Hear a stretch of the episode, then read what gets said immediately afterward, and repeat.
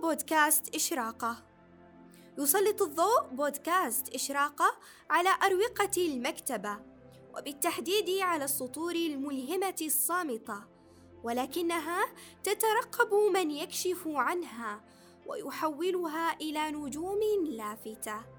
في كتب مكتبة الجامعة وما تتضمنه من رسائل وجيزة وقيمة.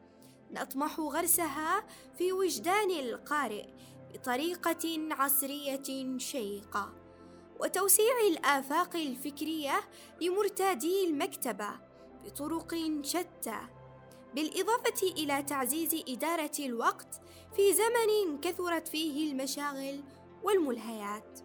ومن ناحية أخرى يهدف بودكاست إشراقة إلى التسويق الرقمي لمحتوى المكتبة.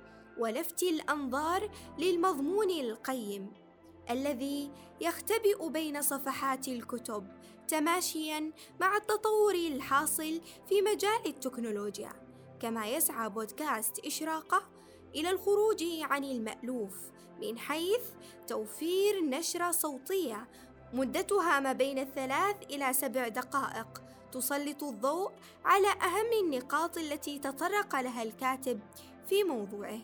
ونتمنى أن تزهر أيامكم برفقة إشراقة وتكون مصدر بهجة لعقولكم وترميما مستمرا لأوقاتكم المهدورة هباء.